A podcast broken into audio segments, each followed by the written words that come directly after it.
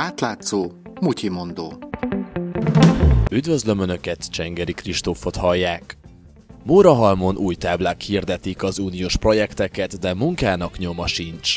Rádi Antóniát, az átlátszó újságíróját hallják olvasónk jelezte fényképekkel, hogy hát ugye vannak ezek a e, hirdető táblák, amiket az uniós támogatásokat kötelező kirakni, hogy ez egy mórahalom szélen lévő ipari parkba tették ki, de ő nem nagyon látja, hogy, hogy mi az a sürgölődés, ami jellemezne egy ekkora projektet.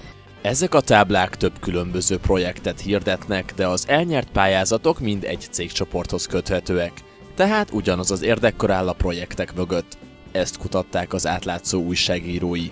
Mi a céges kapcsolatokat néztük meg, és arra jutottunk, hogy hát a sor végén ott vannak a e, Duna kötődő befektetők, a Duna aszfaltról azt érdemes tudni, hogy amióta a Simicska Lajos érdekeltségébe tartozó közgép kegyvesztett infrastruktúrális beruházó lett, azóta átvette az udvari beszállító szerepét.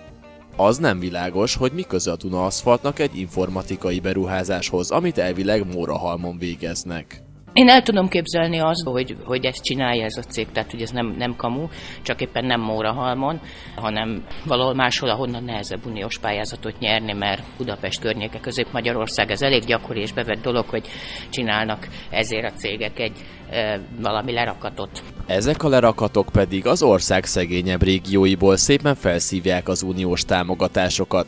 Az átlátszó újságírói megkeresték a beruházásért felelős pályázót. Igen, megkerestük a cikk megírásáig, nem jelentkezett meg, mondom, ezt azóta kaptunk választ, de, de hát azt tudom mondani, hogy gyakorlatilag semmit mondott. Tehát az, hogy a pénzből mennyit mire költöttek, az abból se derül ki, egy kontrollkopival ki lett másolva, ami a Széchenyi 2020-as, tehát a kormányzati uniós pályázat leíráson is olvasható. Nyomasztó, hogy mennyire általánosak az ilyen történetek naivitás volna meglepődni, hogyha egy több mint egy milliárdos projektnél ismert nevek bukkannak elő és a tanulságot is egy mondatban meg lehet fogalmazni.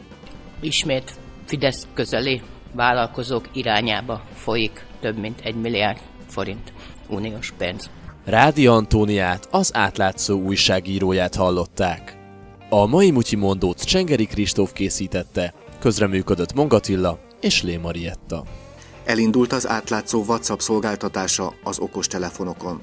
Aki szeretne napi két üzenetben értesülni a legérdekesebb cikkekről, meghallgatni az átlátszó rádió adásait a telefonján, előbb mentse el a 30-as 472 88 91-es számot a kontaktjai között, majd küldje el nem SMS-ben, hanem a WhatsAppon keresztül a mutyi szót ugyanerre a számra, tehát 30-as 472 88 91. Música